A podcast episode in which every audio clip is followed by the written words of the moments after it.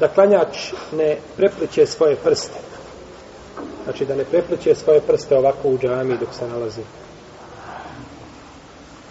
Jer čovjek koji se nalazi u džami, on je u namazu sve do ga zadržava namaz da boravi u džami. A mi smo spominjali, kada smo govorili o stvarima koje je mekru učiniti u namazu, spominjali smo šta? Preplitanje prsta u namazu, odnosno u džamiji. Kaže poslanik sallallahu sallam kako je došlo od Isu Ebu Horeire, koga bilježi imam Hakim i Ahmed, i koji šala ima dobar lanac prenosilaca, može se pojačati zbog mnoštva puteva. Kada od vas neko uze abdest i ode u džamiju, on je u namazu sve dok se ne vrati, pa neka ne radi svojim prstima ovako, potom je prepravo prste poslanik sallallahu alaihi wa sallam. No, međutim, imam Buharija u svome sahihu naslovio poglavlje tešpiku na sabija il mesčidi pogajre. Prepletanje prsta u džami na drugom mjestu.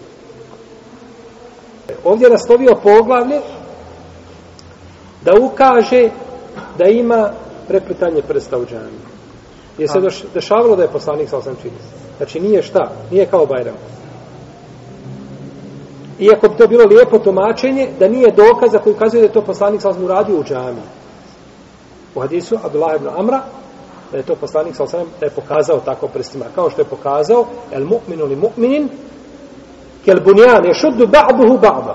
Vjernik vjerniku je kao jedna tvrđevina, jedan drugog, znači učvršćuju. Pa je prepleo svoje šta? Prste. Pa je to preplitanje prsta u džami dozvoljeno da čovjek pojasni nešto. Ili da ukaže. Ili da na neki način objasni određenu stvar koja se, da kažemo vjernike, vjerniku kao tvrđevina, jedan drugog podupiru. I kažemo vjernike, vjerniku kao tvrđevina, jedan drugog podupiru. Šta je lakše za razumijeti? I šta ostavlja dublji trag u srcu? Prvi ili drugi način? Drugi način kada se to praktično prikaže. E ako je to prikazivanje, da imam se popio na mimber da kaže ljudi, budite braća, a nemojte se cijepati i razdvajati. To nije pogodno. Jer je došlo u sunnetu što ukazuje da se može uraditi ako ima za tim šta? Potreba. No, međutim, da čovjek sjedi u džami, sjeo u džami, naslonio se i gleda u stubove džami, ruči uči Kur'an i stavi ovako ruku. Ima li potrebe za tim? Nikakve nema. E tada bi to bilo pogodno. Pa znači, treba uvijek spojiti šta? Spojiti hadisa. Dalje, da, kada se uđu u džamiju, da se klanjaju dva rekiata tehijetul mesčida, i o tome smo govorili, čak bio petak, čak imam bio na hutbi, dva rekiata tehijetul mesčida ne spadaju sa čovjeka koji ulazi u džamiju, osim kada? Molim?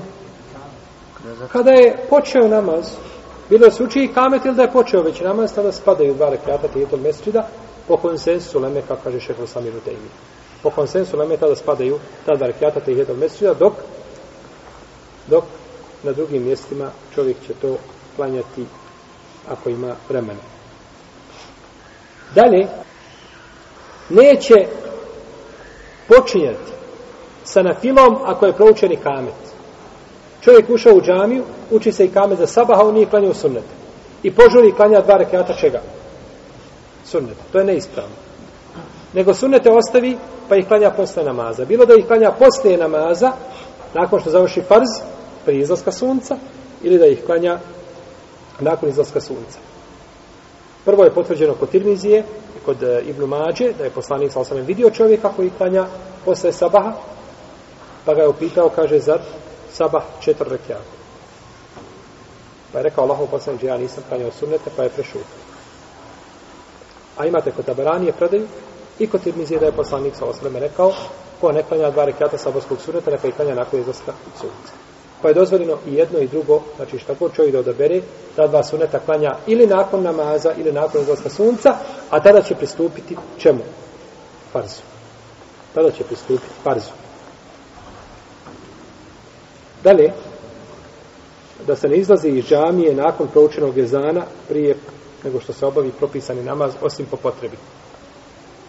Kaže Ebu Šaca, sjedili smo u džamiji sa Ebu Horeirom radijallahu ta'ala anhu, pa je muezin proučio ezan, pa je jedan čovjek ustao i izišao iz džamije, pa ga je pratio svojim pogledom dok nije izišao, pa kaže nakon toga, emma hada, pa kada asa Ebel Qasim, što se tiče ovoga, kaže, on je nepokoran Ebul Qasim. On je nepokoran poslaniku, sallallahu alaihi sallam.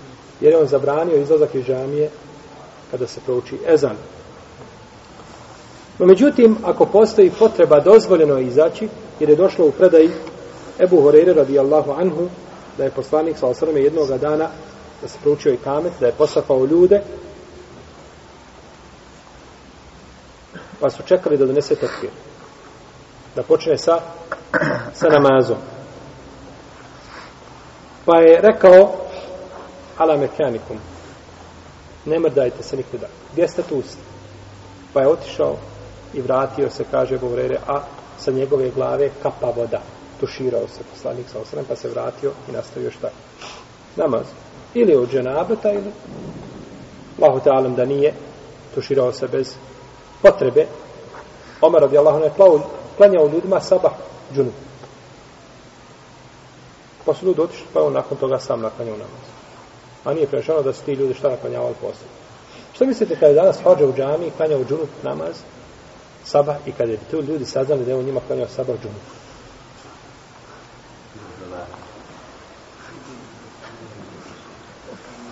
Omer radi Allah, ono to se desilo, ono je je najbolji. Poslaniku sa osam, jer ne vjerujemo da bi poslanik sa posafao ljude i rekao čekajte sada svi dok se idem istuširati zato što sam ovaj, zato što sam možda nisam tuširao dva dana, primjer radi. Nego je sigurno bio razlog do koga se išao da su ga osavom. Ili kupiti, jel?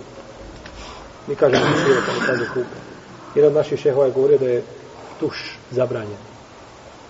Kaže, tuš je israf, kaže, to samo voda troši. Dobro je da ne vide kako se mi abdestimo i koliko vode mi trošimo po samosti. Da ne ustaje na namaz do, a, kada vidi imama, osim a kada vidi imama. Jer poslanik sa osanem kaže u hadisu Ebu Katade, kada bude Buhari i Muslim, i da oklimete salatu fala takumu hatta tarawni. Kada se prouči kamet nemojte ustajati dok mene ne vidite. Nemojte ustajati dok mene ne vidite. Ako znamo da imam tu blizu je znači pročeni kamet nije još imam izišao ne ustajemo dok imam šta? Ne pojavi se. Zašto? Zato što je za ezan je odgovoran ko mojezi a za ikamet imam Pa po imamu se ravna ikamet, a ezan se ravna po mojezinu, mojezinu će ezan znači u vrijeme. Tako da, kako je korist bilo da ustanemo, a nemamo imama, ili još se nije pojavio. I ovome smo govorili u poglavlju ezanu.